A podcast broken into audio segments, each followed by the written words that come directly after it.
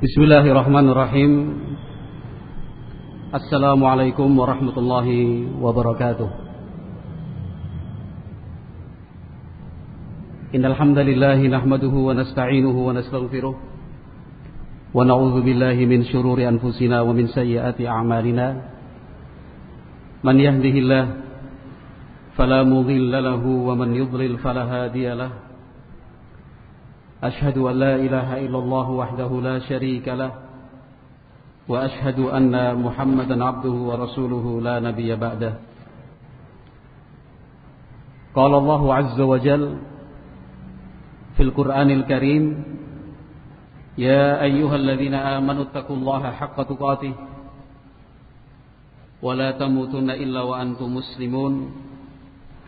ويقول سبحانه يا أيها الذين آمنوا اتقوا الله وقولوا قولا سديدا يصلح لكم أعمالكم ويغفر لكم ذنوبكم ومن يطع الله ورسوله فقد فاز فوزا عظيما.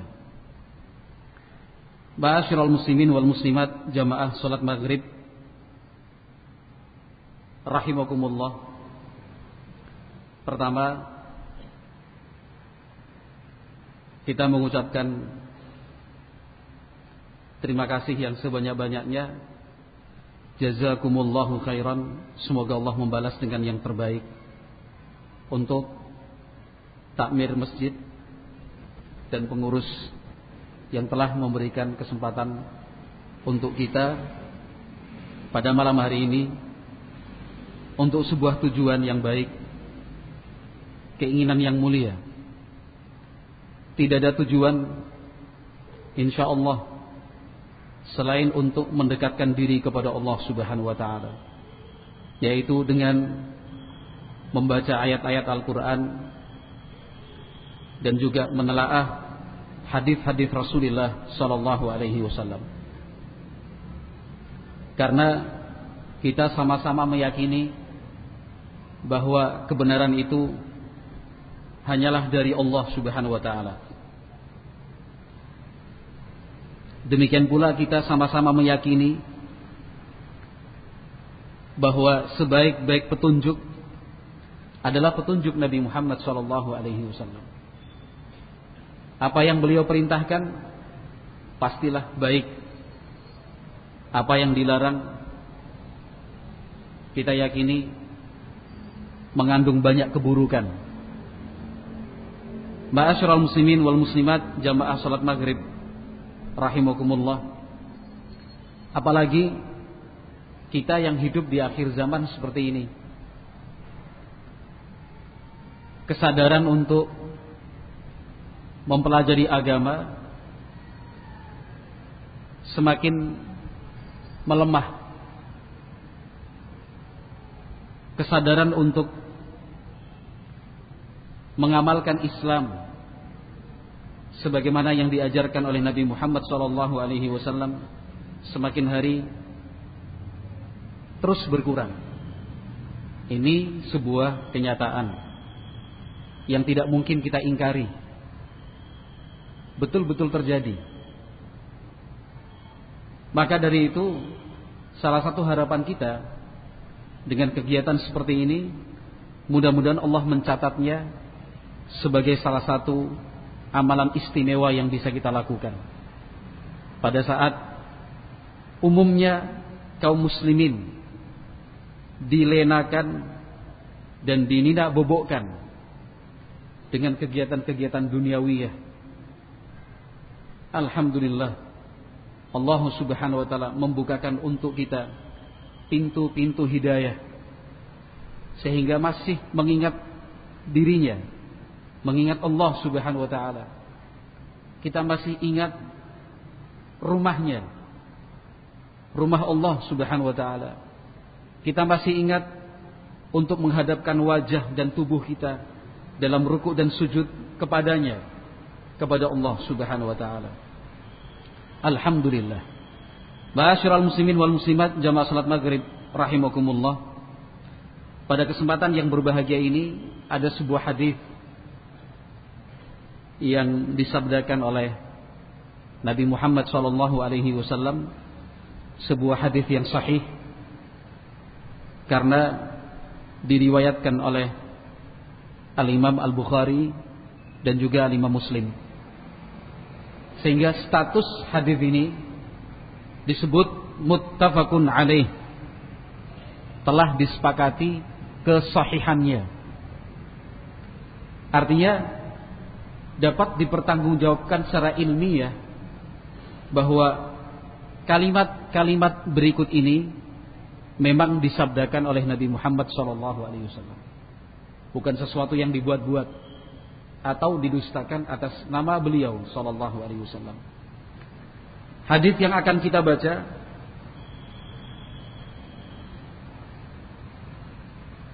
berasal dari sahabat Abu Hurairah radhiyallahu taala anhu. Nabi Muhammad SAW Alaihi Wasallam bersabda, "Sabatun yuzilluhumullahu fi zillihi yawma la zilla illa zilluh." Imamun adilun wa syabun nasha'a fi ta'atillah wa rajulun qalbuhu mu'allakun bil masajid wa rajulani tahabba fillah ijtama'a alaihi wa tafarraqa alaihi ورجل دعته امرأة ذات منصب وجمال فقال إني أخاف الله ورجل تصدق بصدقة فأخفاها حتى لا تعلم شماله ما تنفق يمينه ورجل ذكر الله خاليا ففاضت عيناه Nabi Muhammad Shallallahu Alaihi Wasallam memberikan kabar untuk kita dalam sabdanya yang suci. Kata beliau, sab'atun ada tujuh jenis orang. Apakah hanya tujuh saja? Ulama memberikan keterangan bukan. Lebih dari tujuh. Akan tetapi yang disabdakan Nabi Wasallam dalam kesempatan tersebut yang disampaikan ada tujuh. Selain itu ada. Akan tapi karena beliau ingin memberikan kemudahan untuk kita di dalam mengingat dan memahami, maka sering kali beliau menyebutnya dalam bentuk angka dan bilangan. Ada tiga, ada empat, ada lima, ada sepuluh. Mudah untuk diingat. Pada kesempatan itu Nabi mengatakan sab'atun ada tujuh jenis orang. Yuzilluhumullahu fi zillihi. Allah Subhanahu wa taala akan memberikan untuknya tempat berteduh. Pada hari tidak ada tempat berteduh kecuali tempat berteduh yang telah diciptakan Allah Subhanahu wa taala. Ma'asyiral muslimin, jamaah salat maghrib rahimakumullah. Hadis yang kita baca ini saya ambil lafaz dan juga keterangannya nanti dari kitab Bulughul Maram karya Al-Hafiz Ibnu Hajar Al-Asqalani Asy-Syafi'i rahimahullah. Kitab Bulughul Maram karya Al-Hafiz Ibnu Hajar Al-Asqalani Asy-Syafi'i. Karena beliau dikenal sebagai salah seorang ulama dalam madhab Syafi'i.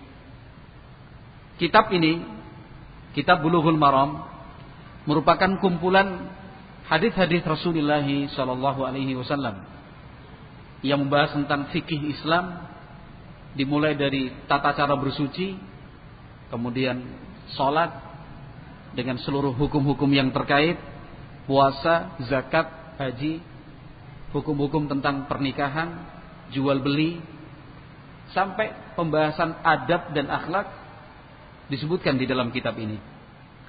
Adapun keterangannya akan saya petikkan nanti dari syarah Al-Syeikh Al-Uthaymin rahimahullahu taala.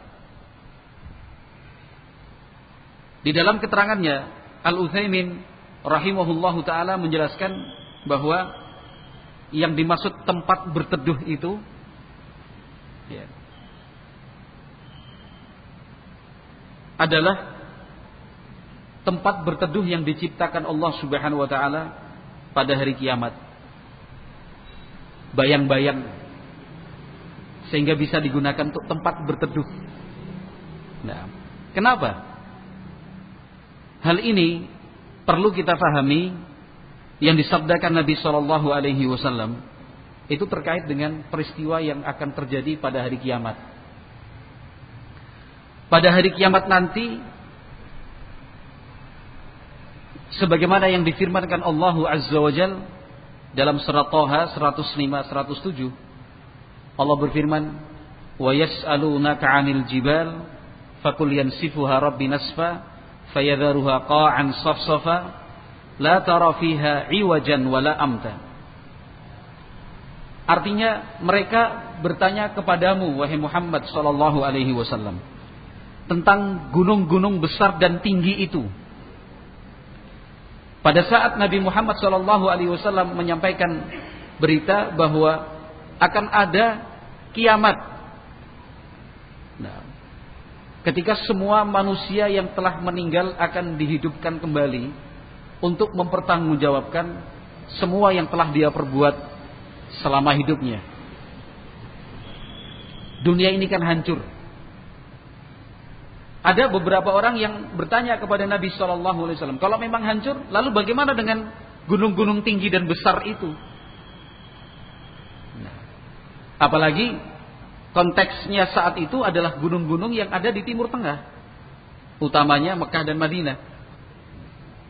Gunung-gunung di sana adalah gunung-gunung batu, bukan tanah gembur yang bisa kita cangkul Membuat galian dengan mudahnya tidak seperti itu. Tapi batu, bebatuan. Yang lapisannya sampai belasan meter bahkan. Ya. Kalau memang dunia ini akan hancur, bagaimana dengan gunung-gunung seperti itu? Allah Subhanahu wa taala memerintahkan Nabi Muhammad SAW untuk menjawab, "Qul, jawab, yansifuha rabbi nasfa." Allah Subhanahu wa taala akan hancur leburkan gunung-gunung tersebut Wa idzal jibalu suyirat. Ketika gunung-gunung itu akan diterbangkan, dicabut seakar-akarnya. Kemudian dihancurkan sehingga menjadi pasir dan tanah yang halus. Nah. Fayadharuha qa'an safsafa. Ayat 106 surat Toha Allah berfirman, "Fayadharuha qa'an safsafa." Bumi ini akan menjadi hamparan yang sangat luas sekali. La tara fiha iwajan wala amta. Menjadi hamparan yang luas, rata. Tidak ada gundukan meskipun segini. Gak ada yang naik menonjol di atas permukaan bumi ini. Gak ada. Gini aja gak ada. Rata wala amta. Yang cekung ke bawah pun nggak ada. Kalau sekarang kontur bumi itu kan naik turun ya kan?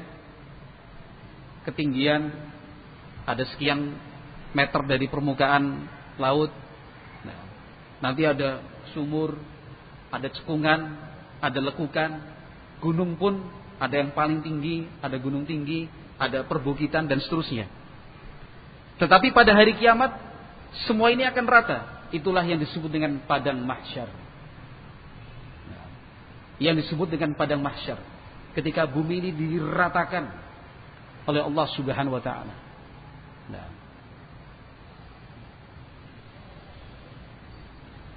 Kata beliau rahimahullah, semua yang ada di atas muka bumi ini akan hancur. Nah. Dalam firmannya yang lain surat Al-Kahfi ayat 8. Wa inna laja'iluna ma 'alaiha sa'idan juruza. Sungguh kami akan menjadikan semua yang ada di atas muka bumi ini menjadi hamparan yang luas sekali. Nah, tidak ada bangunan yang tegak berdiri di atasnya. Rata, betul-betul rata. Dan itu kuasa dari Allah Subhanahu wa taala. Laisa fihi nabatun wala asjarun wala buyutun wala syai'un. Tidak ada pohon yang masih tegak berdiri, tidak ada tetumbuhan, bahkan rumput sekalipun. Rumah-rumah hancur, gedung-gedung pun hancur. Diratakan. Tidak ada satupun yang ada di atasnya kecuali manusia itu sendiri. Nah, hewan, ternak dan binatang juga akan dihidupkan oleh Allah Subhanahu wa taala dihidupkan kembali guna menegakkan hukum kisos di antara mereka. Bukti kemahaadilan Allah Subhanahu wa taala.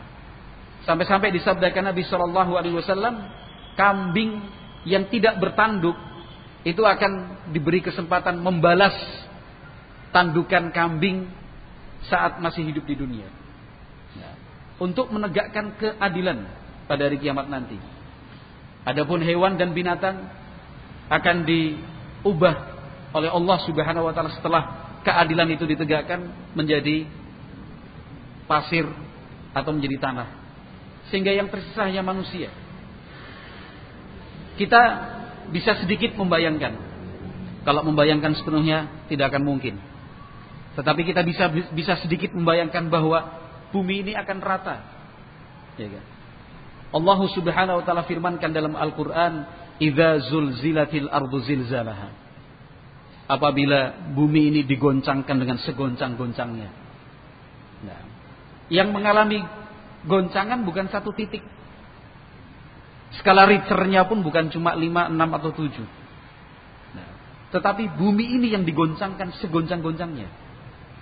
Kita sudah menyaksikan dan itu adalah tanda-tanda kebesaran Allah Subhanahu wa taala ketika suatu wilayah mengalami gempa bumi dalam hitungan detik saja, tidak sampai menit.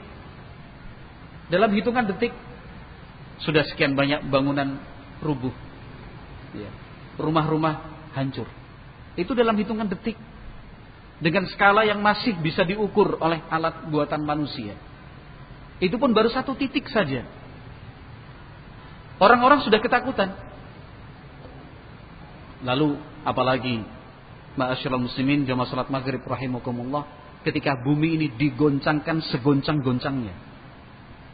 Nah, yang alat buatan manusia, alat ukur itu tidak akan mungkin bisa berfungsi. Karena buatan manusia itu ada batasnya. Sementara bumi pada hari kiamat nanti akan digoncangkan segoncang-goncangnya. Ya. Wa idzal kawakibun tazarat. Allah firmankan juga seperti itu bintang-bintang berjatuhan. Nah, bintang-bintang berjatuhan, gugur, langit pecah dan seterusnya yang Allah sebutkan dalam sekian banyak ayat-ayat Al-Qur'an tentang hari kiamat. Tetapi terkait dengan hadis sabda Nabi Shallallahu alaihi wasallam yang baru saja kita baca, ini kaitannya tentang apa? Tentang idzan hal 'alal ardi syai'un yustadhallu bihi la Kata beliau rahimahullah dalam keterangannya, dalam situasi seperti itu apakah ada sebuah tempat yang bisa kita pilih untuk berteduh? Jawabannya nggak ada.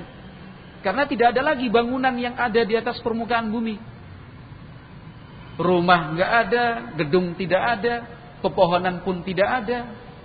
Di mana kita berteduh? Kalau sekarang pada saat panas terik matahari, saat kita berada di tanah lapang misalkan, kita masih bisa mencari-cari, oh ngiyop di sana, Berteduh di bawah pohon sana itu pohonnya besar rindang. Yuk ke sana berteduh. Atau kalau misalkan kita berjalan di pertokoan atau di perumahan yang padat, kita akan memilih untuk berjalan di bawah atap yang teduh atau menggunakan payung. Nah, tetapi pada hari kiamat tidak ada lagi yang seperti itu. Nah, tidak ada tempat yang bisa dipilih untuk berteduh. Kenapa? Karena nggak ada yang meneduhkan. Nah. Sementara kata beliau rahimahullah, wasyamsu tadnu minal khalaiki fi dzalikal yaum qadra milin. Matahari didekatkan. Betul-betul dekat bahkan jaraknya dari atas kepala kita pada hari kiamat nanti itu hanya satu mil. Satu mil itu berapa? Ada yang berpendapat satu mil itu ya ukuran jarak yang kita kenal satu mil. Nah, satu kilometer kurang lebihnya. Namun ada juga ulama yang memahami satu mil di sini adalah stick pada botol celak. Kalau pernah menyaksikan dan melihat atau bahkan punya celak, itu cuma botol kecil begini. Seperti botol apa namanya? isi uh, cairan suntikan itu. Kecil. Nah, sticknya itu yang dimasukkan sebagai tutup sekaligus diambil baru dileletkan di sini. Nah itu mil. Nah, tetapi apa pun penafsiran yang kita pilih, intinya sama. Matahari benar-benar dekat di atas kepala kita. Nah, Ma'asyiral muslimin wal muslimat rahimakumullah. Sebelum kita melanjutkan, perlu kita ingatkan bahwa hal-hal yang saya sampaikan tadi itu sangat terkait dengan tingkat keimanan kita. Di salah satu rukun iman disebutkan al-imanu bil yaumil akhir. Sebagai seorang muslim, muslimah, maka akidah dan keyakinan kita beriman dengan adanya hari kiamat, hari akhir. Ini akidah kita, jangan mau dirubah-rubah. Akidah kita yang harus diyakini dan diingat selalu, dipelajari. Nah, jangan kemudian meragukan kebenarannya. Jangan sampai kemudian kita tidak mempelajarinya. Kiamat, kiamat, kiamat. Cuma menyebut kiamat tapi nggak tahu seperti apa kiamat itu. Ya memang kita sama-sama tidak tahu. Akan tetapi bukankah banyak berita yang disebutkan Allah dalam Al-Quran banyak pula berita yang disampaikan Nabi Shallallahu Alaihi Wasallam tentang hari kiamat itu seperti apa. Nah, ketika seorang hamba benar-benar percaya dan yakin tentang adanya hari kiamat, maka semangat beribadahnya pasti tinggi. Sebab dia yakin bahwa apa pun yang dia perbuat sekarang di dunia semasa hidupnya akan dia pertanggungjawabkan di hadapan Allah Subhanahu wa taala apa pun perbuatan itu. Allah Subhanahu wa taala berfirman, "Faman ya'mal mithqala dzarratin khairan yarah, wa man ya'mal mithqala dzarratin syarran yarah."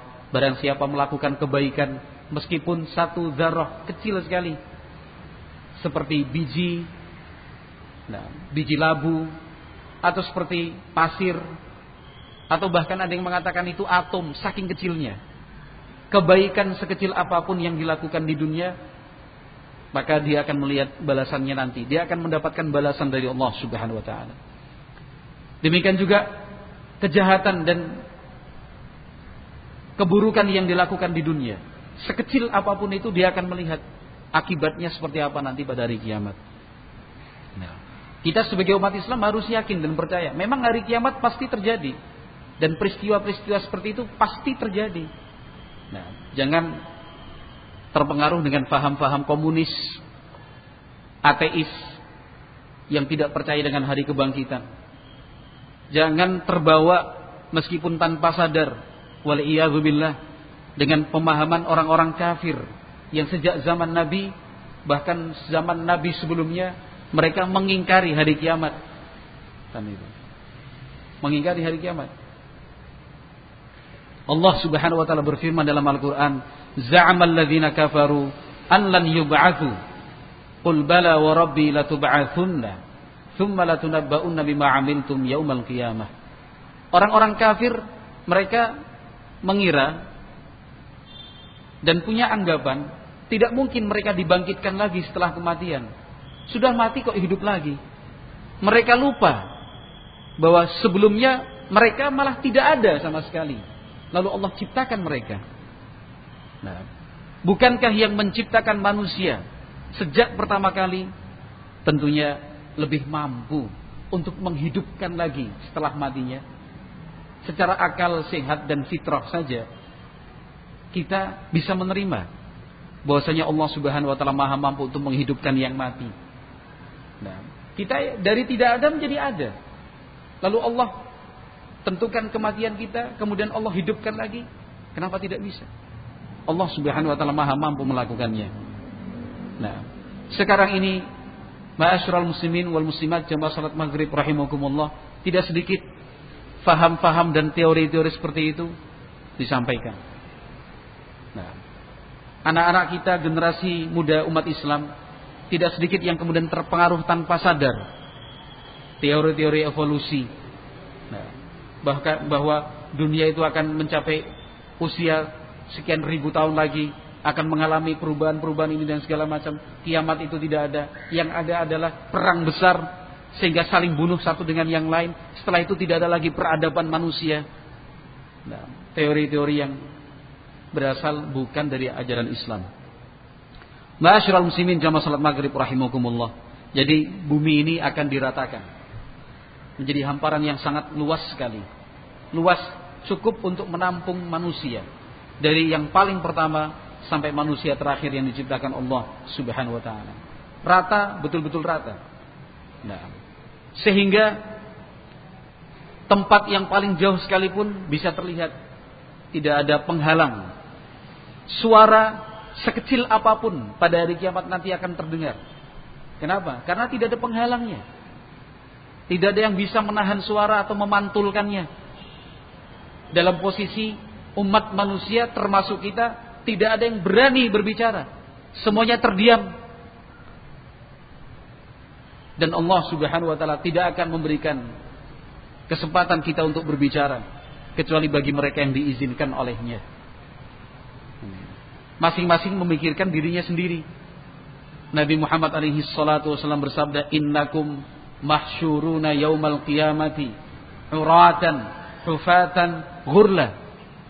Kata Nabi sallallahu alaihi wasallam, sungguh kalian semua termasuk kita akan dibangkitkan dihidupkan lagi di padang mahsyar dalam keadaan tidak menggunakan alas kaki, tidak berpakaian, tidak berkhitan kata Nabi. Allah Subhanahu wa taala berfirman dalam Al-Qur'an, "Kama khalaqnakum awwala maratin kama bada'na awwala khalqin nu'idu." Seperti itulah kami ciptakan manusia pertama kali dan seperti itu jugalah kami akan kembalikan dia. Sehingga manusia itu akan dibangkitkan oleh Allah Subhanahu wa taala dalam keadaan seperti itu. Tidak menggunakan alas kaki, telanjang, tidak berpakaian.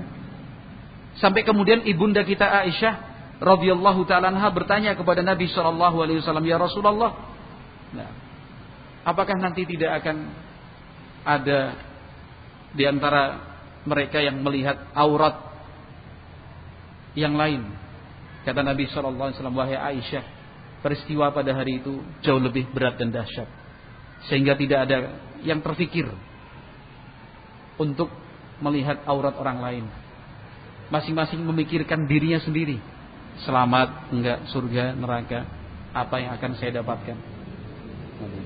Jangankan kita, para nabi dan para rasul alaihi wassalatu wassalam, ketika umat manusia datang kepada Nabi Adam alaihi salam, datang kepada Nabi Nuh, Nabi Ibrahim, Nabi Musa, Nabi Isa, umat manusia meminta kepada para nabi tersebut untuk memohon kepada Allah agar mengurangi beban dahsyatnya hari kiamat, masing-masing mengatakan nafsi nafsi. Saya sendiri memikirkan diri sendiri. Saya memikirkan diri sendiri enggak ada kesempatan memikirkan orang lain. Itu para nabi, para rasul. Sampai kemudian umat mendatangi Nabi Muhammad SAW, lalu Nabi memohonkan syafaat. Nah, nah dalam situasi seperti itu, Ma'asyiral muslimin jamaah salat maghrib rahimakumullah, bumi diratakan, semua yang mati dihidupkan, manusia semuanya tanpa alas kaki, tanpa pakaian, tanpa berkhitan. Matahari didekatkan seperti itu, panasnya luar biasa. Qaribatun min ru'usihim wasatakunu harratan.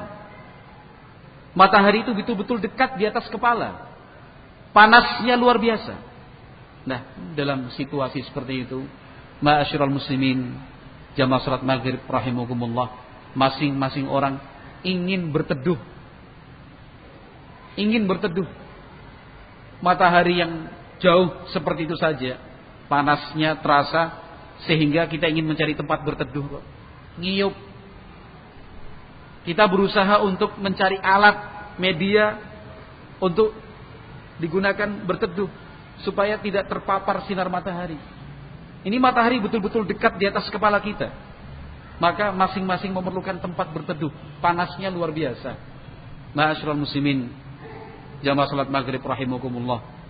Mudah-mudahan yang seperti ini betul-betul kita bisa kita jadikan sebagai bahan renungan, evaluasi untuk kita. Untuk mengingatkan kita bahwa panasnya di dunia ini masih belum seberapa dengan panasnya pada hari kiamat nanti. Apalagi dengan panasnya neraka yang dikatakan Nabi Shallallahu Alaihi Wasallam, narukum hadhihi juz'un min sab'ina juz'an minan nar. Api yang ada di dunia ini hanyalah satu bagian dari 70 panasnya api neraka. Seperti 70 panasnya api di dunia ini. Nah, panas sekali. Ma'asyiral muslimin jemaah salat maghrib rahimakumullah. Pada saat itu yang akan diberi tempat bernaung tempat berteduh sehingga dia tidak terpengaruh oleh panasnya matahari yang sudah didekatkan di atas kepala itu. Nah, kata Nabi Muhammad SAW ada tujuh di dalam hadis ini. Hanya tujuh jenis orang, bukan tujuh orang, tetapi tujuh jenis orang. Sehingga banyaknya bisa. Nah, bukan hanya cuma tujuh orang, tetapi tujuh jenis orang. Nah, ketujuh Jenis orang ini adalah mereka-mereka yang mendambakan surga. Nah, mereka-mereka lah yang kita sebut sebagai sosok pria pendamba surga. Nah, ketika kita berbicara tentang siapakah dan apakah kriteria orang-orang yang mengharapkan surga Allah Subhanahu wa taala. Berikut ini kita akan baca. Yang pertama, kata Nabi Shallallahu alaihi wasallam, tetapi sebelum kita lanjutkan, apakah ketujuh jenis orang ini hanya berlaku untuk laki-laki saja? Jawabannya tidak. Hal ini juga berlaku untuk kaum wanita secara umum seperti itu. Adapun detail dan rinciannya ada pembahasan tersendiri.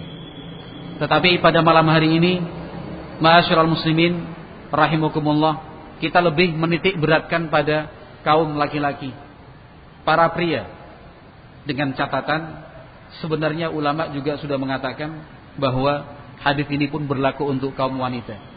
Seperti fatwa dari Syekh bin Baz rahimahullahu taala. Yang pertama, kata Nabi sallallahu alaihi wasallam adalah imamun adilun. Pemimpin yang adil. Ini luar biasa. Pemimpin yang adil. Tetapi ingat, bukan hak kita untuk kemudian menilai satu persatu para pemimpin itu. Kemudian kita menghabiskan waktu, menyibukkan diri untuk membuat penilaian. Oh itu adil, tidak adil, adil, tidak adil. Oh ini bukan. Sebisa mungkin, ma'asyiral muslimin wal muslimat, sebisa mungkin tiap ayat maupun tiap hadis Rasulullah yang kita baca mari diarahkan dan ditujukan pada diri sendiri. Bukan ditujukan kepada orang lain. Ketika kita membaca sebuah hadis Nabi Shallallahu Alaihi Wasallam berpikirlah bahwa hadis ini untuk saya. Bukan kemudian berpikir wah ini kain uangnya cocok itu pas orangnya. Wah nggak sesuai dengan sabda Nabi, bukan. Introspeksi diri. Pada saat kita membaca hadis Nabi tentang berbakti kepada orang tua, yang terfikir di benak kita pertama kali bukan orang lain. Oh, anak itu durhaka sama orang tua. Anak itu tidak berbakti. Akan tetapi ketika kita membaca hadis itu tujukan yang dimaksud saya ini pada saat kita membaca riwayat yang menganjurkan untuk banyak-banyak bersedekah dan berinfak, jangan kemudian oh yang difikirkan pertama kali adalah orang lain. Tetapi sadarlah dan sadarilah bahwa hadis itu sebenarnya ditujukan untuk kita semua. Termasuk hadis ini. Kita jadikan sebagai alat untuk menilai diri sendiri. Jangan menilai orang lain. nilailah diri sendiri. Yang pertama, kata Nabi Shallallahu Alaihi Wasallam adalah imamun adilun, seorang pemimpin yang adil. Menjadi pemimpin yang adil itu tidak semudah yang kita bayangkan. Ya, tidak semudah yang kita bayangkan. Luar biasa beratnya. Apalagi keadilan itu adalah keadilan yang sesungguhnya. Keadilan yang menyesuaikan keridhaan dari Allah Subhanahu wa taala. Nah, yang perlu diingat, ma'asyiral muslimin, jamaah salat maghrib rahimakumullah. Ketika kita berbicara sebagai rakyat, ingat saat berbicara sebagai rakyat, karena kita semua adalah rakyat sekarang ini. Ketika berbicara sebagai rakyat, maka jangan sampai lupa bahwa di antara tugas dan kewajiban kita untuk menjadi rakyat yang baik adalah mendoakan kebaikan untuk pemimpin-pemimpin kita. Sebagai umat Islam, pengikut Nabi Muhammad SAW Alaihi Wasallam yang setia, jika menginginkan setia, ingat bahwa tugas dan kewajiban kita adalah terus mendoakan. Semoga pemerintah kita selalu dalam perlindungan Allah. Senantiasa memperoleh taufik dan hidayah dari Allah Subhanahu wa taala. Jangan sebaliknya, justru mendoakan kejelekan, dicaci maki, dicela, dilaknat lagi. Wal billah. Para ulama kita mengajarkan, "Lau kana li da'watun mustajabah, la ja'altuha li salihil imam." Para ulama kita mengatakan seandainya saya memiliki doa yang mustajab. Ada satu doa yang pasti dikabulkan. Seandainya saya punya kesempatan seperti itu. Maka doa tersebut akan saya gunakan untuk memohon kepada Allah. Supaya pemimpin-pemimpin kita menjadi pemimpin-pemimpin yang baik. Para ulama kita memberikan penjelasan. Kalau seandainya ada satu pemimpin yang jelek. Kemudian kita doakan jelek. Lalu bertepatan dengan waktu yang Allah kabulkan doa pada saat itu. Bukankah pemimpin itu akan bertambah jelek? Bisa dipahami? Saya ulangi kembali. Kenapa kita dilarang untuk mendoakan kejelekan bagi pemerintah, penguasa? Karena ketika seorang pemimpin itu jelek, ada satu pemimpin jelek, kemudian kita doakan lagi dengan kejelekan, Allah kabulkan. Bukankah pemimpin itu akan bertambah jelek? Yang merasakan akibatnya siapa? Ya kita sendiri yang mendoakan kejelekan. Tetapi ketika ada satu pemimpin yang jelek, lalu kita doakan kebaikan, Allah kabulkan. Kemudian pemimpin itu betul-betul menjadi baik. Kita juga yang akan merasakan kebaikannya. Kita juga yang akan merasakan kebaikannya. Maka alhamdulillah umat Islam adalah bagian dari NKRI yang paling setia dan paling baik. Umat Islam selalu mendoakan kebaikan untuk pemerintahnya, mendukung pemerintahnya, ya, selalu disebut dalam doa-doa mereka di waktu-waktu yang mustajab. Maka pada kesempatan kali ini saya mengajak seluruh umat Islam untuk tidak melupakan dalam doa-doa kita supaya memohon kepada Allah Subhanahu wa taala agar pemerintah kita, pemerintah Indonesia dari yang paling tertinggi presiden dan wakil presiden Republik Indonesia sampai tingkatan yang paling dekat dengan kita, lurah, dukuh, RT dan seterusnya. Kita doakan mudah-mudahan senantiasa mendapatkan taufik dan hidayah dari Allah, selalu diberi kekuatan dan kemampuan untuk memimpin secara adil diberikan teman-teman dan penasehat yang baik, dijauhkan dari teman-teman yang jelek. Itu adalah doa kita sebagai umat Islam. Wallahu alam bisawab. Akan kita lanjutkan pada sesi kedua. Ada beberapa waktu untuk mempersiapkan diri untuk melaksanakan sholat isya. Wallahu alam bisawab.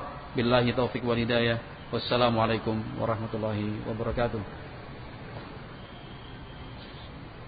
Bismillahirrahmanirrahim. Alhamdulillah wassalatu wassalam ala Rasulillah wa ala alihi wa ashabihi wa man walah. Ma'asyiral muslimin wal muslimat jamaah salat Isya yang berbahagia. Pada sesi pertama tadi alhamdulillah kita telah membaca hadis Rasulullah sallallahu alaihi wasallam yang diriwayatkan oleh Imam Al-Bukhari dan Muslim dari sahabat yang mulia Abu Hurairah radhiyallahu taala anhu. Di dalam hadis tersebut Nabi Muhammad sallallahu alaihi wasallam mengatakan Sab'atun yudhilluhumullahu fi dhillihi yawma la dhilla illa dhilluh. Ada tujuh jenis orang yang pada hari kiamat nanti Allah Subhanahu wa taala akan memberikan untuk mereka tempat berteduh. Naungan. Sehingga dia bisa berteduh matahari. Karena matahari didekatkan di atas kepala sejarak satu mil. Yang disebutkan oleh Nabi Muhammad SAW yang pertama adalah imamun adilun, pemimpin yang adil, bijaksana. Yang kedua, kata Nabi Shallallahu Alaihi Wasallam, syabun nasha'a fi ta'atillah seorang pemuda yang tumbuh kembangnya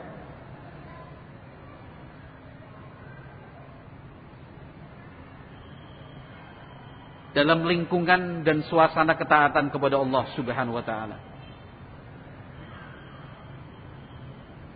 Masyarul muslimin yang berbahagia. Kalau kita melihat dan uh, merenungkan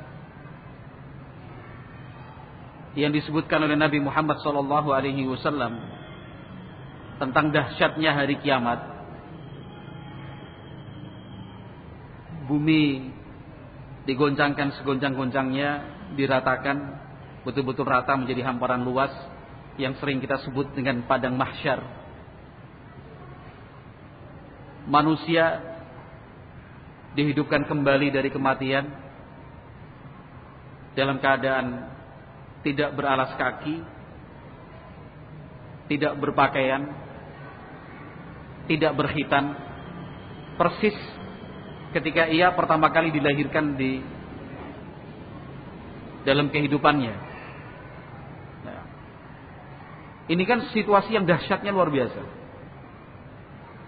Cobalah kita bayangkan, berusaha kita bayangkan. Yang sangat menyedihkan adalah ketika kita membaca ayat-ayat maupun hadis Nabi terkait tentang hari kiamat, kemudian kita tidak mampu untuk membayangkan, tidak menyentuh hati. Itu celaka. Betul-betul celaka. Tidak menyentuh hati itu luar celaka, rugi sekali. Nah dalam situasi yang dahsyat seperti itu Allah akan memberikan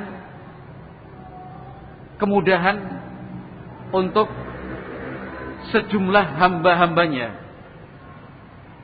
sehingga tidak mengalami dan tidak merasakan panasnya matahari yang didekatkan itu. Sejumlah hamba yang akan merasakan kesejukan mendapatkan dan memperoleh ketenangan.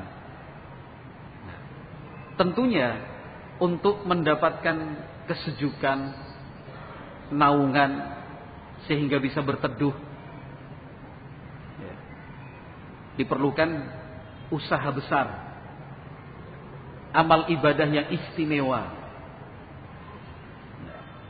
Tidak semudah yang kita bayangkan. Surga itu mahal dalam kehidupan dunia kita saja semakin baik fasilitasnya ya semakin mahal biayanya itu sudah sama-sama maklum kita ya. semakin lengkap fasilitasnya dana yang kita perlukan dan usaha yang kita lakukan ya harus semakin besar juga lalu Kenapa kita bisa banting tulang setengah mati bahkan untuk memiliki dan merasakan kenikmatan dunia yang pasti-pasti akan berakhir.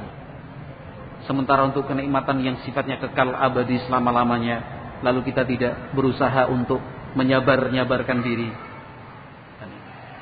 Nabi Muhammad menyebut yang kedua adalah syabun nasya'a fi ta'atillah, pemuda. Nabi Muhammad menyebutnya pemuda. Bukan seseorang, bukan orang tua, bukan anak kecil. Tetapi pemuda, anak muda. Karena kata para ulama li'anna syab adatan yakunu ghaira mustaqim illa man hadallah. Karena pada umumnya anak muda itu labil. Ya. Hawa nafsunya, syahwatnya nah, itu sedang tinggi memuncak ingin bebas dan merdeka. Tidak ingin terikat dengan apa-apa. Kalau dalam komunitas anak muda zaman sekarang anti kemapanan. Anti kemapanan. Contoh yang paling mudah tapi ekstrim adalah komunitas pang. Ya. Anak-anak pang yang kita lihat dan kita temukan di jalanan itu bukan tanpa organisasi Bukan kemudian hidup dan berkembang begitu saja. Ada yang mengkoordinir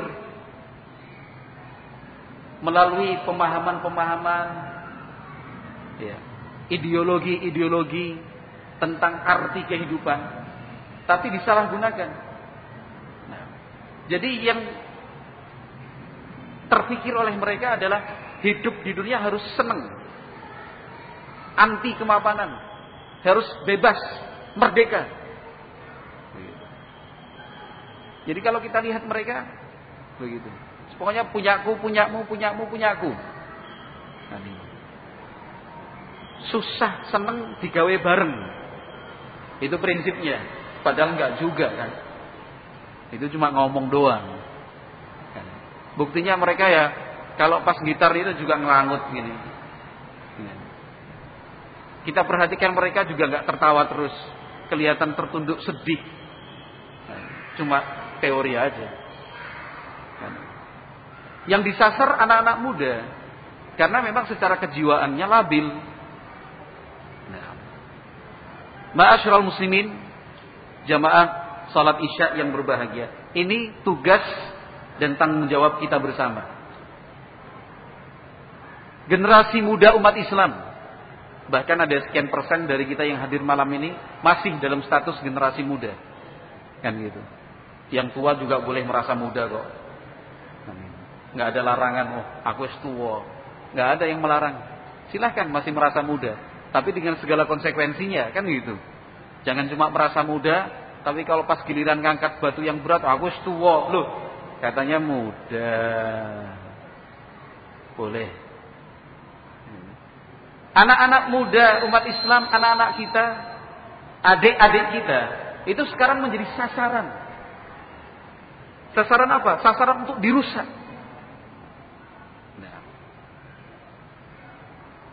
Kasus yang paling fresh, yang baru saja terjadi, ya, yang baru saja terjadi dalam beberapa waktu yang lalu, anak-anak muda usia pelajar itu diberi obat PCC itu gratis. Sejumlah orang yang tidak dikenal, kan itu orang asing melihat sekumpulan anak-anak muda di sana, kasih nih permen, coba aja, dimakan. Bukan dalam rangka jual beli, tapi tujuannya jelas-jelas merusak moral anak bangsa.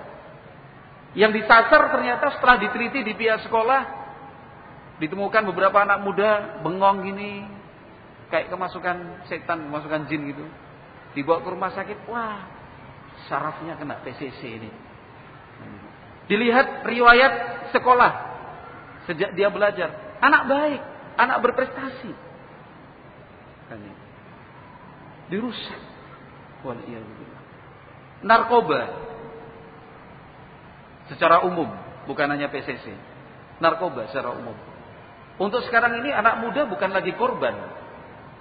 Pengedar, bandar bahkan. Wal. Pornografi, trafficking, ya. jual beli dan perbudakan manusia. Anak-anak usia, anak-anak di bawah usia kerja dipaksa bekerja karena memang gak ada pilihan yang lain dengan upah seminim-minimnya. Ya. Ditakut-takuti, gak boleh pergi. Harus tinggal di gudang kerja terus. Jauh dari agama. Nah, kasus-kasus kekerasan. Yang jadi sasaran siapa? Anak-anak muda. Mulai dari kasus kelitih. Ya. Sekumpulan anak-anak masih usia muda. Tengah malam, dini hari. Melihat kira-kira siapa yang bisa dibacok. Bacok! Dibacok. Pelakunya yang tertangkap masih usia SMP. 12 tahun. 13 tahun, 14 tahun. Menyangka seperti itu. Bahkan ada duel maut. Ya kan? Ala gladiator. Dan itu bukan terjadi sekali dua kali. Sejak dulu sebenarnya. Cuma karena media sosial sekarang baru. Nah, ya terekspos baru sekarang juga. Nah, tawuran dan segala macam. Wal billah anak-anak kita, umat Islam loh. Dijauhkan dari masjid. Dibukalah stand-stand PlayStation. Ketika azan dikumandangkan, anak-anak masih sampai tengah malam baru pulang. Ada seorang kawan punya usaha PlayStation, tapi udah mulai sadar gitu ceritanya. Ini gimana Ustadz ya? Uh, saya bilang ditutup lah ganti usaha yang lain. Sudah bisa menerima ya insya Allah. Saya punya tekad untuk menghentikan usaha PlayStation itu. Terus saya bilang orang tua diajak kerja sama aja. Orang tua dipahamkan kalau anak-anaknya hidupnya, waktunya banyak dihabiskan untuk main PlayStation, itu nanti akan merusak kesehatan, merusak kepribadian, nggak akan peka dan sensitif terhadap lingkungan. Yang dipikirkan cuma diri sendiri, untuk pendidikannya nanti juga kurang baik, negatif. Orang tua diajak aja. Kata dia malah lah yang nyuruh malah orang tuanya ya tata. Orang tuanya kerja malah dititipkan di tempat saya. Masa aku titip anakku yo? Kan itu. Yang bayar malah orang tuanya. Nanti kalau sore baru dijemput karena orang tuanya kerja. Anjuk piye? Kan itu. Padahal dalam pikiran saya kan anak-anak yang main itu orang tuanya pasti nggak seneng gitu. Ternyata menurut pengalaman dia sebagai pengelola dan pemilik PlayStation, lah malah dititipi Ustaz pripun jel. Lah ya ini ternyata yang bermasalah bukan anak-anaknya, tetapi orang tua yang dulu mungkin anak-anaknya pas seperti itu juga. Anak-anak kita itu kan saksi, bukti, fakta di lapangan. Maka Nabi mengatakan syabun nasya fi taatillah seorang pemuda yang tumbuh kembangnya dalam ketaatan kepada Allah itu dijanjikan mendapatkan naungan pada hari kiamat nanti. Kenapa? Karena amalan ini istimewa luar biasa. Godaan untuk anak-anak muda sudah beda sama yang sudah tua. Yang tua sudah malah wis tau nglakoni. Sudah nggak tertarik lagi. Yang lain mengatakan kabeh wis tak coba, bosen aku. Itu yang tua. Tapi yang muda kalau saya masih muda nih. Yang muda kan pengennya coba-coba, penasaran, iki opo, iki opo, iki opo, iki opo. Udah dikasih tahu sama yang tua, le, nak, nduk, nggak percaya. Kenapa? Karena belum merasakan sendiri. Nah, tapi Nabi mengatakan seorang pemuda yang tumbuh kembangnya dalam beribadah taat kepada Allah Subhanahu wa taala dijanjikan mendapatkan naungan pada hari kiamat nanti luar biasa. Karena untuk mendapatkan naungan dari Allah itu juga sebuah uh, keistimewaan tersendiri. Maka untuk mendapatkannya pun harus melalui amal ibadah yang istimewa juga. Para ulama mengatakan pemuda itu sampai usianya 30, ada juga yang mengatakan 40 tahun. Artinya kalau 30 tahun ke bawah masih muda, 40 tahun ke bawah masih masih muda. Jangan merasa udah tua. Itu yang kedua kata Nabi Shallallahu Alaihi Wasallam. amalan yang luar biasa. Apalagi sekarang ini anak muda bahkan yang sudah tua juga sekaligus sama untuk menghadapi godaan-godaan dunia itu beratnya luar biasa. Beratnya luar biasa. Karena apa? Kanan kiri muka belakang kita tanpa kita inginkan kita ini digoda dengan apa? Dengan iklan, dengan promosi-promosi. Kita keluar dari rumah nggak punya keinginan apa-apa. Keliling satu jam di pusat kota Semarang, pulang ke rumah wis mikir. Tuku kae, tuku kae, pengen ini, pengen. Kenapa? Jadi korban promosi. Promosinya nggak main-main, baliho ukuran 10 kali 5. Ya kan? Spanduknya dibuat panjang gitu. Ini murah, diskon. Wah, udah. Ada lagi apa namanya yang kemarin agak unik itu. Uh, apa namanya eh, poster-poster kan itu poster-poster gambarnya rumah sama di paling pojoknya itu ada gambar wajah seorang perempuan tulisannya kalau belum punya rumah jangan mau diajak nikah gitu. ternyata promosi dari pengusaha properti kan itu untuk jual apa dan jual rumahnya tulisannya jangan mau diajak nikah kalau belum punya rumah. Kata siapa? Rumah itu syarat punya rumah itu syarat untuk menikah. Kan itu. Ini kan dicekokin ini. Di sepanjang jalan posternya begitu di tiang-tiang listrik itu loh, Mas. Kan itu. Di kota itu penuh. Jangan mau diajak nikah kalau belum punya rumah. Terus-terusannya rumah murah. DP cuma sekian, bunga 0 sekian persen. Menggunakan jasa lembaga perbankan ini. Jadi yang sebelumnya udah pengen nikah, baca kayak gitu, iya, nek urung di rumah ragilem aku. Ngomong sama apa laki-laki yang sudah melamar orang mas, nek urung di rumah rasido. Lah. Korban promosi. Godanya luar biasa. Gak usah yang muda, yang tua-tua jenggot putih aja kadang-kadang tergoda dengan promosi itu. Iya? Iklan, iklan, iklan. Dan yang namanya iklan atau promosi itu pasti gambar, desain dan bahasanya itu pasti menarik. Sampai syarat dan ketentuannya ditulis paling kecil di bawah. Kan itu. Wah, bombastis. Oh, apa? Wah, dikejar ternyata kan ada syarat dan ketentuannya. Syarat dan SK plus K berlaku. Syarat dan ketentuan berlaku. Lo mana? Ini loh mas tulisan paling kecil di bawah. Padahal itu murah, murah, bonus ini. Godaannya luar biasa. Maka yang tumbuh berkembang dalam ketaatan kepada Allah dijanjikan mendapatkan naungan pada hari kiamat yang dahsyatnya sekilas sudah kita dengarkan bersama tadi. Maka untuk panjenengan orang tua yang sekarang ini memiliki putra putri sedang belajar agama di pondok-pondok pesantren berbahagialah. Ya kan? Anak-anak kita yang di pondok pesantren sedang kita bantu, kita kita dukung, kita kondisikan untuk tumbuh kembangnya dalam ketaatan kepada Allah Subhanahu wa taala. Baca Quran, baca hadis, salat wajib, salat sunnah, puasa wajib, puasa sunnah. Nah, masa lalu kita sebagai orang tua kita jadikan sebagai landasan untuk memperbaiki kualitas anak-anak kita. Dukung mereka. Nah, kemudian yang ketiga, Kata Nabi sallallahu alaihi wasallam wa rajulun qalbuhu mu'allakun bil masajid.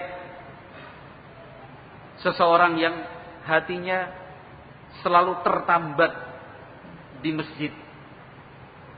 Nah, ingin terus beribadah kepada Allah Subhanahu wa taala. Nah, yang dia rindukan masjid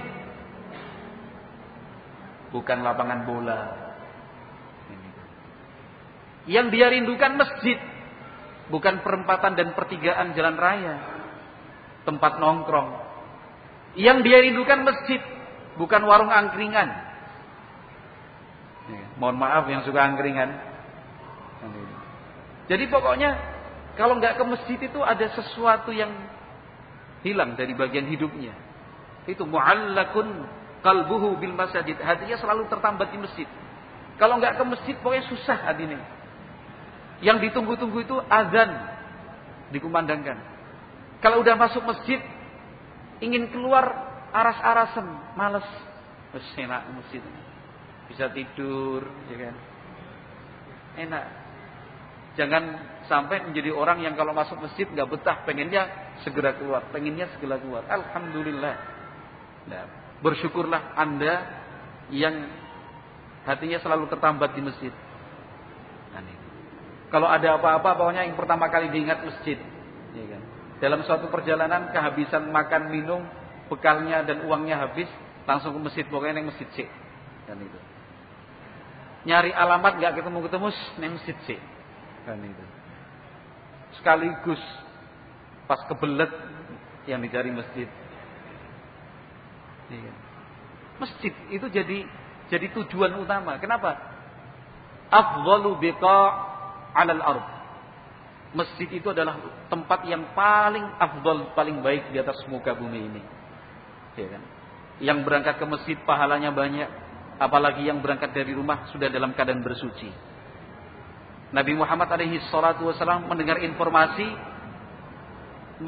warga kampung Bani Salimah ingin pindah ke dekat masjid. Nabi panggil mereka. Saya dengar informasi kalian ingin pindah dekat masjid. Iya. Kata Nabi, dia rokum, dia rokum, tuktab ujurukum. Tetap tinggallah di kampung kalian meskipun jauh itu. Tetap tinggallah kalian di kampung kalian sendiri meskipun jauh. Karena pahala itu tercatat untuk kalian. Akhirnya rencana pindah ke dekat masjid dibatalkan. Atas bimbingan dari Nabi Muhammad SAW. Makin banyak pahalanya. Tiap langkah kaki itu dihitung sebagai kebaikan.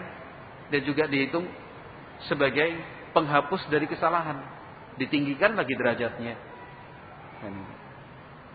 Nah, sekali lagi, amalan ini juga istimewa. Amalan ini istimewa sekali. Seseorang yang hatinya tertambat di masjid. Ada prosentase yang cukup besar dari waktu yang dia punya itu digunakan di masjid. Digunakan di masjid. Nah, jangan sampai kita bisa betah di tempat yang lain berjam-jam, tapi kalau di masjid nggak betah.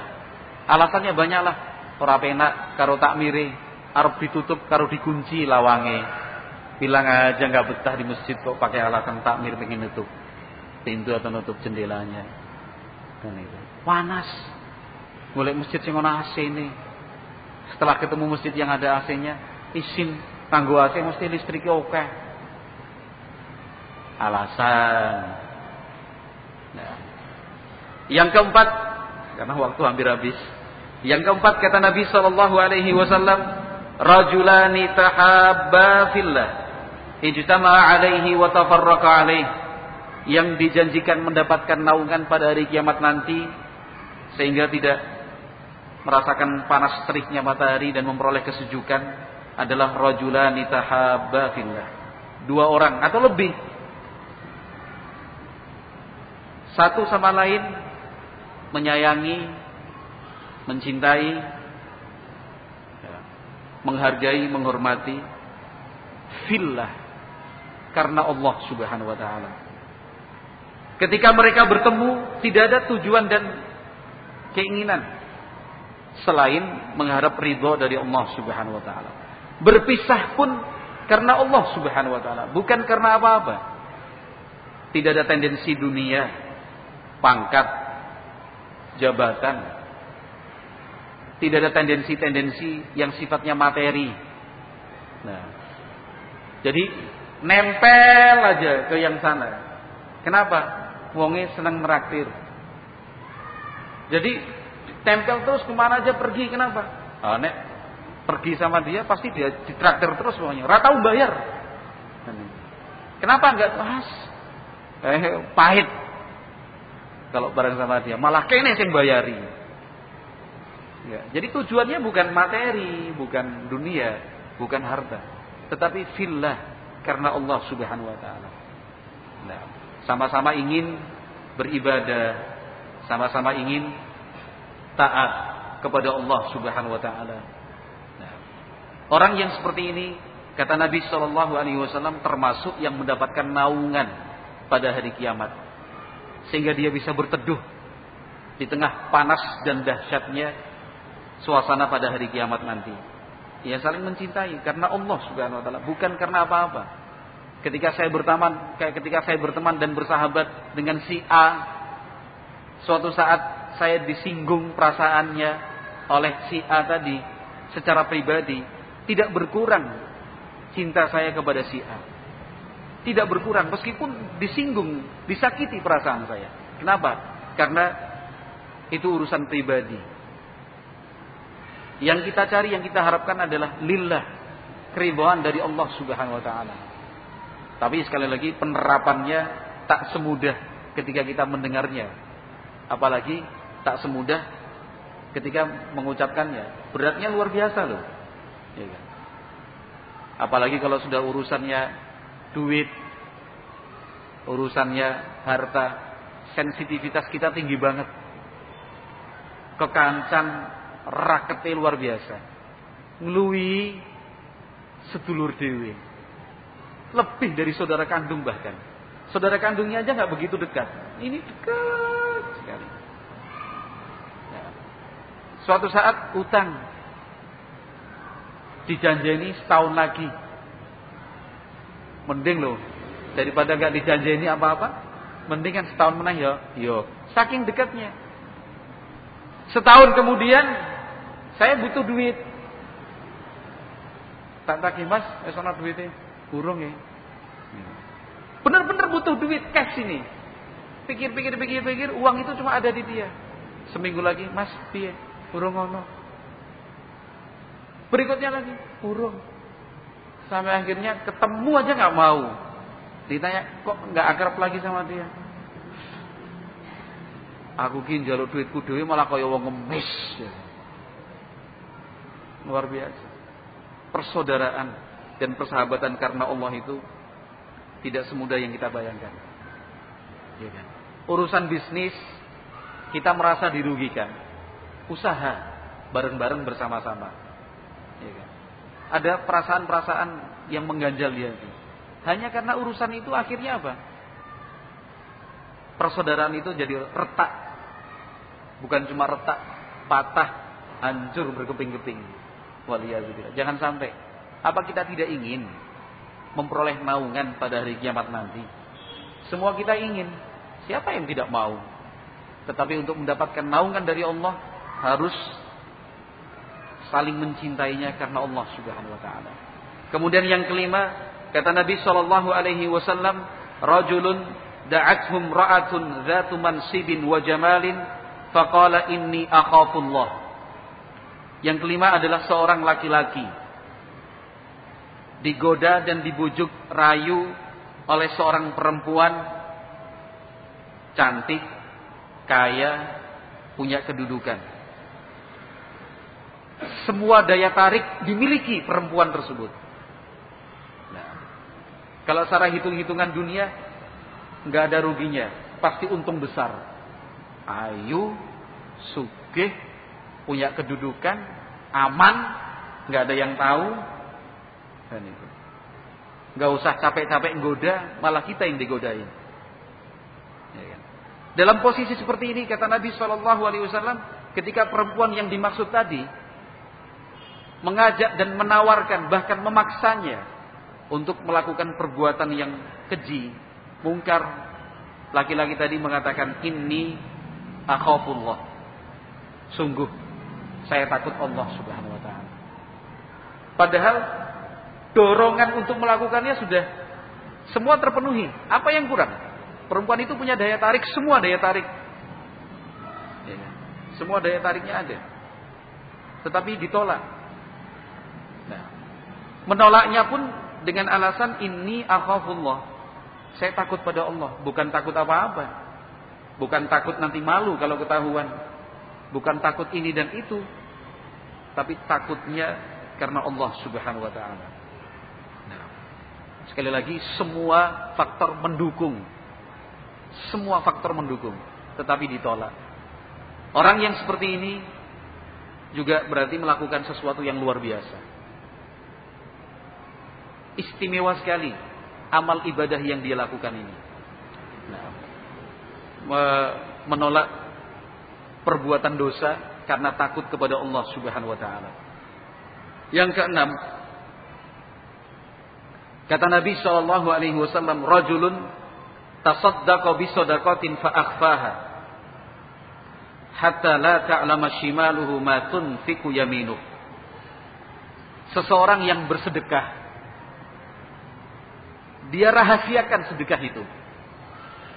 Jangankan orang lain, tangan kirinya saja itu tidak mengetahui kalau tangan kanannya berinfak dan bersedekah. Jangankan orang lain.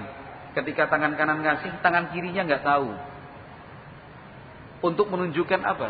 Betul-betul amal ibadah yang dia kerjakan dalam bentuk dan wujud bantuan, infak, sedekah dan yang lainnya. Itu dirahasiakan. Ini ikhlas kualitas tinggi. Ikhlas kualitas tinggi. Dan tingginya luar biasa. Nah, bagian tubuhnya aja ada yang nggak tahu. Nah, bukan kemudian malah dicerita-ceritakan. Bukan kemudian difoto dan disebarluaskan. Iya kan? Bahkan selfie latar belakangnya kardus-kardus dan karung bantuan sembako untuk para pengungsi korban banjir di Yogyakarta. Kan itu. Seret tulisan OTW Jogja bantu pengungsi. Bukan seperti itu. Kalau yang dituntunkan Nabi, rahasiakan. Kalau bisa, nggak ada yang tahu bahwa andalah yang membantu. Walaupun tidak disebut-sebut namanya nggak apa-apa. Bahkan truk lewat tulisannya bantuan sembako untuk pengungsi korban banjir Yogyakarta dari Haji Mokhtar. Anggota masyarakat Kota Semarang. Tulis gede-gede gitu.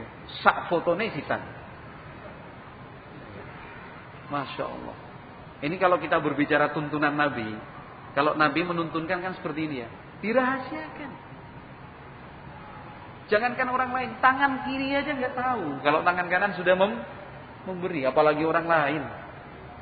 Zainal Abidin, cicit Rasulullah Sallallahu Alaihi Wasallam, Ali ibnul Husain ibn Ali radhiyallahu anhu. Semasa hidupnya sering dan suka membantu orang-orang miskin dalam bentuk bahan makanan pokok. Malam hari keluar dari rumah sambil membawa bahan makanan pokok, gandum dan yang semisalnya, lalu diletakkan di depan pintu rumah orang-orang yang fakir miskin tidak mampu. Itu bertahun-tahun sekian lama nggak ada yang tahu siapa pelakunya. Siapa yang menjadi pahlawan kebaikan di malam hari itu? Dicari-cari nggak pernah ketahuan. Karena apa? Memang berusaha nggak ketahuan sembunyi-sembunyi. Ditunggu, dilempe nggak pernah ketahuan. Dan itu. Bukan kemudian orang-orang itu tidak penasaran untuk mengetahui, penasaran, tapi dicari-cari, dicek, ditunggu, nggak pernah. Kenapa? Saking. Ada orang sembunyi, sembunyi, nggak ada yang tahu, sampai meninggal, rahimahullah taala. Itu cicitnya Rasulullah Wasallam. Setelah meninggal dunia, bantuan-bantuan itu nggak pernah ada lagi. Orang-orang fakir miskin itu tidak pernah mendapatkan di depan pintu rumahnya, oh ada tepung, ada gandum, ada kurma, ada minyak zait, minyak samin. Enggak ada lagi. Setelah meninggalnya Zainal Abidin Ali bin Husain. Kemudian orang-orang yang memandikan jenazah memandikan jenazah Zainal Abidin lalu memberikan kesaksian di atas pundaknya sini ngapal menunjukkan bahwa semasa hidupnya sering membawa beban berat. Akhirnya orang pun menyimpulkan dialah pahlawan kebaikan itu. Sampai meninggal dunia gak ada orang tahu. Sampai meninggal dunia gak ada orang tahu. Ternyata Zainal Abidin lah yang berinfak seperti ini. Nah kita ingin kan, ingin mendapatkan naungan dari Allah Subhanahu Wa Taala. Ya caranya seperti itu salah satunya. Ada apa informasi ta'awun. Ayo kita membebaskan tanah untuk kepentingan dakwah. Dan itu usahakan membantu. Kalau bisa disembunyikan masukkan dalam amplop gak usah ditulis dan diketik dari. Nggak perlu. Tulis saja hamba Allah atau dari seseorang. Nggak usah mikir iki duit iki bener-bener dimanfaatkan atau ditilep ya? Nggak usah. Itu kan sudah berprasangka buruk suuban namanya seandainya pun katakan disalahgunakan apa itu mengurangi pahala panjenengan? Mengurangi? Tidak. Karena Allah yang membalas. Allah yang berikan pahala. Allah maha tahu bahwa keinginan dan niatan kita adalah membantu. Seandainya pun disalahgunakan nah Allah tidak akan sia-siakan bantuan tersebut. Sudah bantu sekian ratus sak semen ketika laporan tiap minggu ditempel di papan pengumuman. Loh, nama saya kok nggak ada gitu ya gitu. Tak bantu orang atau sak semen kok. Telah ditulis jenengku. Lagi sekretaris saya? Kayak kebakaran gitu. Nggak ada masalah kan kalau nggak ditulis namanya. Alhamdulillah Allah Maha tahu. Wah, sekretarisnya ganti orang mana ini? Tidak demikian. Ini ikhlas luar biasa seperti ini. Yang digambarkan Nabi, tangan kanan memberi, tangan kanannya sendiri, tangan kirinya nggak tahu. Walaupun sebagian ulama, walaupun sebagian ulama menafsirkan bahwa yang dimaksud sabda Nabi ini, ketika dia memberi, orang yang sebelah kirinya nggak tahu, orang lain nggak tahu. Ya walaupun penafsiran seperti itulah, walaupun penafsiran seperti itu menunjukkan bahwa saking berusaha merasakan menyembuhkannya. Yang terakhir kata Nabi Shallallahu Alaihi Wasallam, rajulun Allah khalian fafadat aina. Seseorang yang ingat Allah dalam situasi sepi lalu berlinanglah air matanya. Kenapa? Rindu kepada Allah Subhanahu wa taala. Rindu dan cinta kepada Allah Subhanahu wa taala. Ingin segera bertemu dengan Allah Subhanahu wa taala. Takut dengan siksanya. Lalu dia menangis Amalan ini juga luar biasa susahnya. Nah, menangis ketika sendiri. Kalau menangis di depan orang banyak, banyak bisa melakukannya. Dibuat-buat juga bisa. Ya kan? Bahkan ada apa namanya pelatihan menangis gitu. untuk audisi acting kan di antara yang dites coba nangis coba tertawa nangis tertawa nangis nangis tertawa bahkan pernah dibuat lombanya kan lomba nangis tertawa menurut juri. Nangis, nangis, nangis, nangis, tertawa, nangis, tertawa, oh, gitu. Tapi kalau menangis sendiri di tempat yang sepi, tidak semua orang bisa melakukannya. Nah, tidak semua orang bisa bisa melakukannya. Ada seorang ulama, kalau bukan Abdullah ibnu Mubarak, kalau bukan beliau berarti Al Fudail bin Iyad rahimahullah. Nah, atau kalau katakan saya lupa namanya secara pasti, yang jelas ada seorang ulama. Itu sangat dihormati dan dimuliakan. Lalu ada orang penasaran, ini amal ibadahnya apa sih? Kan itu. Insya Allah Al-Fudhal bin Iyad. Atau Abdul Mubarak, pokoknya dua itulah salah satunya. Atau mungkin dua-duanya, nggak ada masalah kan? Ulama kita semua. Ini amal ibadahnya apa sih? Kok begitu dihormati, dimuliakan? Suatu saat ulama tersebut pergi diikuti satu rombongan gitu maksudnya. Singgah malam hari di sebuah tempat ya, di sebuah di sebuah tempat singgah gitu. Tiba-tiba pelitanya mati, lampu minyaknya itu mati. Tek begitu. Lampu minyaknya mati. Ketika dihidupkan kembali, ulama tersebut terlihat baru saja menangis. Kata orang tadi, ini alasannya. Kenapa dia dicintai dan dihormati. Ketika list, apa, mati lampu, nangis. Ingat kepada Allah subhanahu wa ta'ala. Maka ma'asyiral muslimin wal muslimat rahimakumullah. Tujuh golongan, tujuh jenis orang yang dikatakan Nabi akan mendapat kenaungan pada hari kiamat. Tidak ada naungan kecuali naungan yang Allah berikan. Dan ketujuh-tujuhnya berat. Walaupun berat, ya kita harus berusaha. Bukan kemudian kita undur diri. Kata ya mampu aku. Nah, jangan. Ya kita usahakan, kita upayakan meningkatkan kualitas iman dan takwa. Kalau hari ini tidak bisa, jangan menyerah. Besok masih belum bisa juga, jangan berhenti. Besoknya lagi masih belum bisa, jangan putus asa, terus begitu. Dari tujuh golongan tadi, kita upayakan ada nama kita satu dari tujuh golongan itu minimalnya. Apalagi ketujuh tujuhnya luar biasa. Sekali lagi amalan ini semuanya berat. Kalau jadi imamun adilun kita rakyat biasa. Iya kan? Kalau ingin berinfak jarang infak. Nah, itu. Terus yang mana? Digoda perempuan imannya kuat, oh, malah kini senang godo. Ya kan? Walaupun dengan akun palsu, walaupun dengan nomor lain kan itu. Jadi ada dua nomor, nomor soleh dan nomor jelek. Kalau nomor yang soleh, gue aneh sing sini taklim, kajian, yang satu ya untuk itu. Kan itu. Terus yang mana? Hatinya tertambat ke masjid, kayak ora. Jamaahnya sering telat. Eh sering telat, jarang zikir, metune nomor siji. Enggak ini. Ketika sepi di tempat sunyi menangis, ora tahu gitu, enggak pernah. Terus yang mana? Kan itu. Yang mana? Ya kita upayakan kalau nggak bisa sekarang itu tadi prinsipnya. Kalau nggak bisa sekarang, mudah-mudahan besok bisa. Kalau bisa, mudah-mudahan bisa dipertahankan. Kan itu terus. Karena bukan cuma sekali dua kali kan, harus menjadi sifat dan karakter kita. Mudah-mudahan semua yang hadir di sini bukan hanya menjadi dan statusnya pria pendamba surga. Kalau pria pendamba surga semuanya kita masuk status itu. Siapa yang tidak mendambakan surga? Tapi harapannya melalui kajian ini bukan sekedar dambaan saja, tapi betul-betul menjadi pria penghuni surga. Allahumma inna nas'alukal jannah wa na'udzubika minan nar. Ya Allah, kami memohon surga kepadamu dan memohon perlindungan kepadamu dari api neraka. Mudah-mudahan Allah berikan manfaat, kurang lebihnya mohon maaf.